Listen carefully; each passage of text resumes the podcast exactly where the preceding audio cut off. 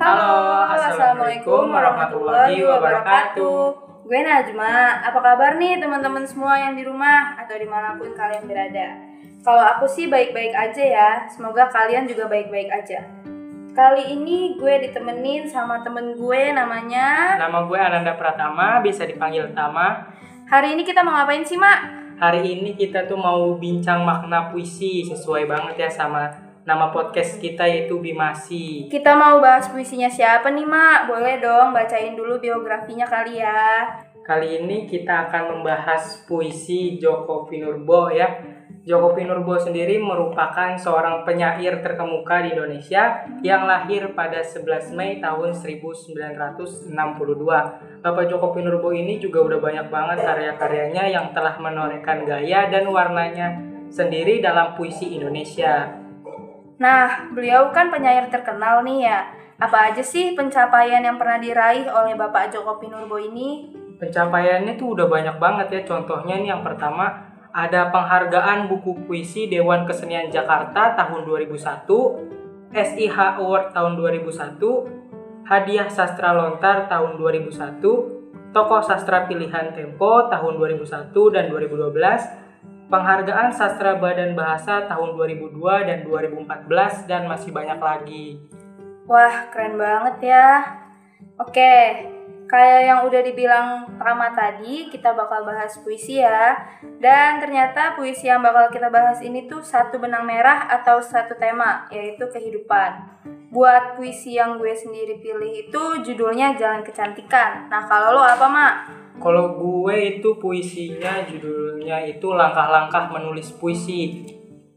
Setelah itu nih kayaknya kalau misalnya puisi kita berdua doang jelasinnya juga kurang enak ya. Iya kita nih. langsung undang aja mungkin ya pembicara lainnya sebagai bintang tamu. Wah, Silahkan. Ya, halo halo semuanya. Nama gue Sri Nurjana atau kerap disapa Oci. Judul puisi gue kali ini yang gue pilih yaitu Pada Suatu. Kalau nih, Enau gimana Nau? Hai, nama gue Naura Asyifa Saidina. Di sini judul puisi yang gue pilih itu berjudul Sajak Balsem untuk Gusmus. Wah, dari judulnya aja udah MBL banget ya. Apa tuh MBL? Menarik banget loh. Oh iya nih, kita ambil puisinya dari buku kumpulan puisi yang berjudul Buku Latihan Tidur. Enaknya kita bacain puisinya dulu aja kali ya. Eits, sebelum dibacain puisinya gue mau ngingetin juga nih buat kalian yang mau cek bukunya bisa kalian beli di toko-toko toko buku yang asli ya, jangan beli yang bajakan, oke? Ini kayaknya tuh. Lanjut ayo Najma boleh dibacakan puisinya. Jalan kecantikan. Kau telah menemukan jalanmu. Jalan berliku dan berbatu-batu menuju mata airmu di celah bebukitan itu. Malam meremang redupkan cahaya. Sunyi menidur lelapkan suara. Kecantikanmu terbuat dari mata yang tak hangus oleh air mata. Bibir yang mampu mengatasi gincu, kaki yang lebih kenangan dari sepatu, hati yang melampaui hati-hati. Kau kecantikan yang bergerak di jalan-jalan yang tak ada dalam peta. Kau kecantikan yang bernyanyi di hari-hari yang hilang mimpi. Kau kecantikan yang bangkit dari mati. 2015. Wah, dari puisi yang udah dibacain tadi, kayaknya dalam banget nih puisinya. Kalau misalnya kita boleh tahu nih, teman-teman di rumah juga boleh tahu, kira-kira maknanya apa sih dari puisi yang dibacain tadi? Makna atau amanat yang gue dapetin setelah baca puisi ini tuh kalau kita jangan cepat putus asa dalam menjalani kehidupan. Dalam kehidupan emang banyak ya lika-liku yang kita alami, tetapi kita juga harus ingat bahwa seberat apa pun masalah yang sedang kita lalui, pasti ada hikmahnya. Kita juga harus yakin bahwa apa yang sedang kita lalui ini merupakan yang terbaik dan akan indah pada waktunya. Nah, kalau puisi lo sendiri gimana, Mak? Boleh kali dibacain. Oke, puisi gua judulnya itu Langkah-langkah menulis puisi. Langsung ya, gue bacain aja. Langkah-langkah menulis puisi. Langkah pertama, duduklah. Langkah kedua, duduklah dengan tenang. Langkah ketiga, duduklah dengan tenang di atas batu. Langkah keempat, duduklah dengan tenang di atas batu yang kelak akan jadi batu nisanmu. Langkah kelima, duduklah dengan tenang di atas batu yang kelak akan jadi batu nisanmu sambil membaca. Langkah keenam, duduklah dengan tenang di atas batu yang kelak akan jadi batu nisanmu sambil membaca Pramudia. Hidup sungguh sangat sederhana, yang hebat-hebat hanya tafsirnya. Langkah ketujuh dan seterusnya, Abrakadabra, tahun 2017. Wah, keren banget ya puisinya. Ceritain dong amanat yang lo dapetin. Kalau amanat sendiri yang gue dapetin itu puisi ini menceritakan tentang kehidupan, merupakan sebuah proses yang bertingkat untuk mencapai tujuan kehidupan masing-masing. Dalam puisi ini juga memberitahu kita bahwa tujuan kita hidup sebenarnya adalah untuk belajar dan untuk mati. Mantap sih. Selanjutnya buat Oci, boleh kali bacain Boleh, juga. sabi banget tuh. Jadi puisinya kan tadi pada suatu ya. Boleh dibacain kan ini? Boleh. Puisi pada suatu karya Joko Pinurbo. Guru bahasa Indonesia saya pernah berkata, kiamat tak akan ada selama kau masih bisa mengucapkan pada suatu hari atau pada suatu ketika. Dengan pada suatu hari atau pada suatu ketika, engkau yang kacau dapat disusun kembali, aku yang beku dapat mencair dan mengalir kembali. Dalam pelajaran mengarang di sekolah, kau pasti suka menggunakan pada suatu hari dan pada suatu ketika. Begitupun saya. Hidupmu lebih luas daripada suatu hari dan pada suatu ketika. Carilah pada suatu yang lain. Pesan guru saya saat lulus dan menyampaikan terima kasih atas segala kasihnya. Pada suatu cium surga samar-samar terbuka, mau tersipu, silau oleh cahaya matamu. Pada suatu tidur bantal terpental, guling terguling dan di ranjang runtuh doaku utuh, pada suatu pulang ada hati ibu yang tak pernah pergi. Pada suatu kenyang piring bertanya, nikmat apa lagi yang kau cari bila lidahmu tak bisa bahagia? Pada suatu mandi tak ada sumuk yang abadi. Tahun 2016. Nah, amanatnya nih. Amanat yang bisa gue ambil dari puisi tadi tuh bahwa apa pun yang kita lakukan pasti akan selalu ada timbal baliknya gitu loh. Kegagalan dan keberhasilan selalu mengimbangi hidup. Seperti pada lari puisi, dengan pada suatu hari atau pada suatu ketika, engkau yang kacau dapat disusun kembali, aku yang beku dapat mencair dan mengalir kembali. Nah, dari lari tersebut bisa kita simpulkan bahwa banyak banget harapan atau kesempatan yang akan datang. Rasa optimis itu punya pengaruh besar dalam kehidupan gitu. Selanjutnya nih, siapa? Nau kan? Naura. Oke. Oke, Nau. Oke, judul puisinya itu Sajak Balsem untuk Gusmus. Akhir-akhir ini banyak orang gila baru berkeliaran, Gus. Orang-orang yang hidupnya terlalu kenceng dan serius. Seperti bocah tua yang fakir cinta. Saban hari giat sembahyang. Habis sembahyang terus mencaci, habis mencaci sembahyang lagi, habis sembahyang ngajak lahi. Dikit-dikit marah dan ngambek. Dikit-dikit senggol bacok. Hati kagak ada rendahnya, kepala kagak ada ademnya. Menang umuk, kalah ngamuk. Apa maunya? Maunya apa? Dikasih permen minta es krim, dikasih es krim minta es teler, dikasih es teler minta teler. Kita sih happy-happy saja, Gus. Ngeteh dan ngebul di beranda bersama kongguan isi rengginang. Menyimak burung-burung bermain puisi di dahan-dahan. Menyaksikan matahari koprol di ujung petang. Bahagia adalah memasuki hatimu yang lapang dan sederhana. Hati yang seluas cakrawala.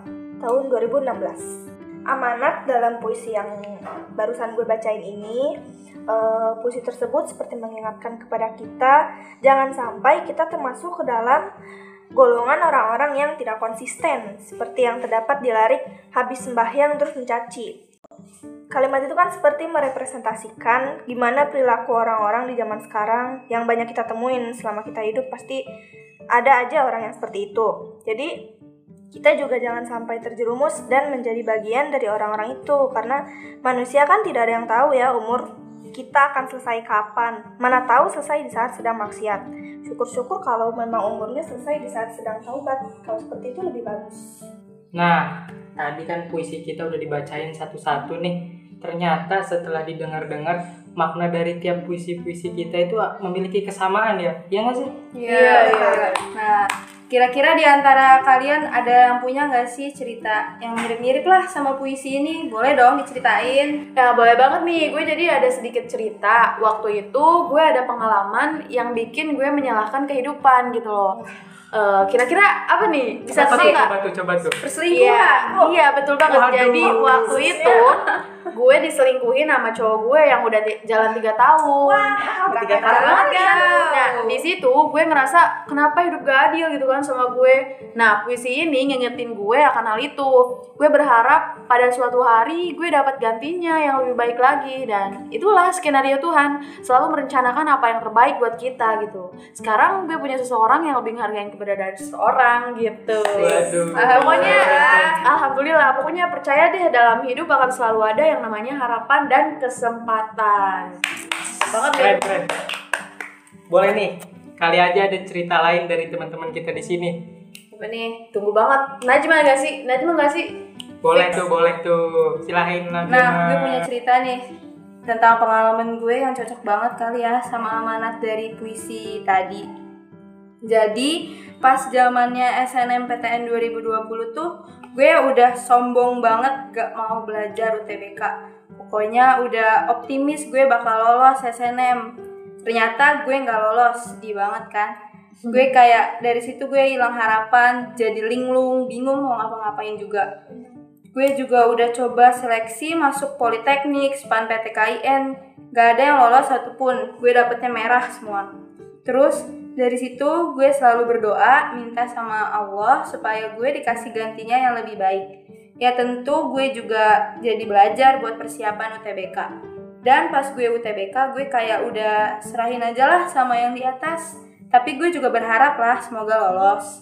Nah, abis pengumuman UTBK tuh Alhamdulillah gue lolos. Wih, alhamdulillah. Alhamdulillah. Nah, berarti itu sama kayak eh, kata-kata terakhir gue dong ya yang tadi bahwa hidup itu akan selalu ada yang namanya harapan dan kesempatan. Asik. Indah pada waktunya. Sip, mantep banget. Siapa Apalagi sekarang? yang mau Enau? Enau gak sih? Enak kayaknya deh, gue boleh nambah ya? aja sih. Iya, cowok Oke. sendiri soalnya nih. Ayo Enau. Oke nih. Jadi gue ada cerita dari temennya temen gue. Temennya temen Waduh. gue nih. Iya, liku ya. Gimana tuh, gimana tuh? Gimana tuh? Jadi dia tuh orangnya kelihatannya tuh kayak yang alim, anggun gitu, agamis. Tapi ternyata di sisi lain dari cerita orang lain tuh dia dikenalnya suka ngomentarin ini itu dan komentarnya tuh kebanyakan buruk-buruk. Waduh, serem banget. Iya.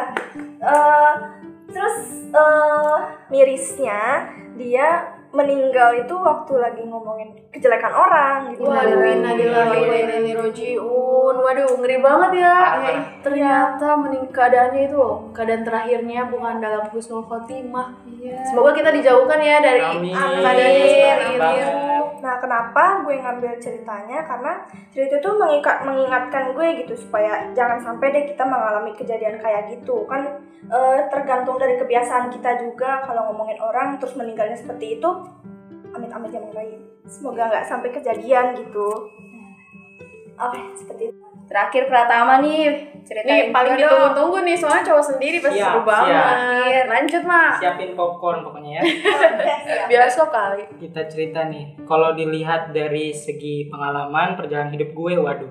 Dari kecil sampai sekarang kehidupan emang kayak ada apa kayak anak tangga gitu loh. Iya. Tapi di setiap anak tangganya itu ada jurangnya. Apa Jadi apa pun tujuan yang ingin kita capai untuk naik ke atas pasti ada risikonya tersendiri. Contohnya pas gua dulu nih mau masuk kuliah ya, gue udah punya tujuan buat masuk ke universitas negeri yang ada di Jakarta. Jadi gue emang juga nggak boleh dibolehin ke mana-mana ya, tetap harus di Jakarta. Oh. Nah di saat itu tuh gue gua udah nyoba nyoba, tapi hasilnya ya namanya belum rezeki lah ya. Terus gue juga sempet mikir setelah itu ya ampun kayaknya keras, banget gitu loh hidup. Mau belajar aja susah mau dapet negeri aja susah gitu loh. Iya. dan mulai da- mulai deh dari saat itu gue ngadu deh sama Tuhan gue sholat gue ngaji segala macam sampai terpikirkan sama gue apa iya gue ditakdirkan hidup cuma buat belajar di sana yang kayaknya gue juga nggak bakal dapet gitu loh. Terus abis itu gue juga berpikir lagian ilmu tersebut kan juga yang lebih penting daripada tempat kita belajar. Iya. bener Bener, banget kan? Bener banget. Jadi amal amal dari ilmunya kita juga bisa jadi amal jariah buat kita nantinya di akhirat gitu loh. Setelah kita mengajarkan untuk ke orang lain gitu. Jadi bukan tempatnya ya. Iya. Tapi Yang apanya? penting ilmunya. Wah, mulia sekali Pratama ini ya. Tepuk tangan untuk Pratama. Wuhui. Wah, seru banget ya obrolan kita hari ini. Seru parah. Banyak Parah. banget yang bisa kita ambil amanatnya dan dijadikan pelajaran. Tentunya harus dilakuin juga ya. Ya, jangan lupa aplikasikan dalam kehidupan sehari-hari. Bener banget tuh. Tapi sangat disayangkan karena kita udah ada di akhir atau penghujung siniar ini. Ya, sayang Sayang. Padahal kita masih ada ngobrol-ngobrol banyak ya. Iya. Ya, tapi bagaimana namanya waktu ya tetap berjalan.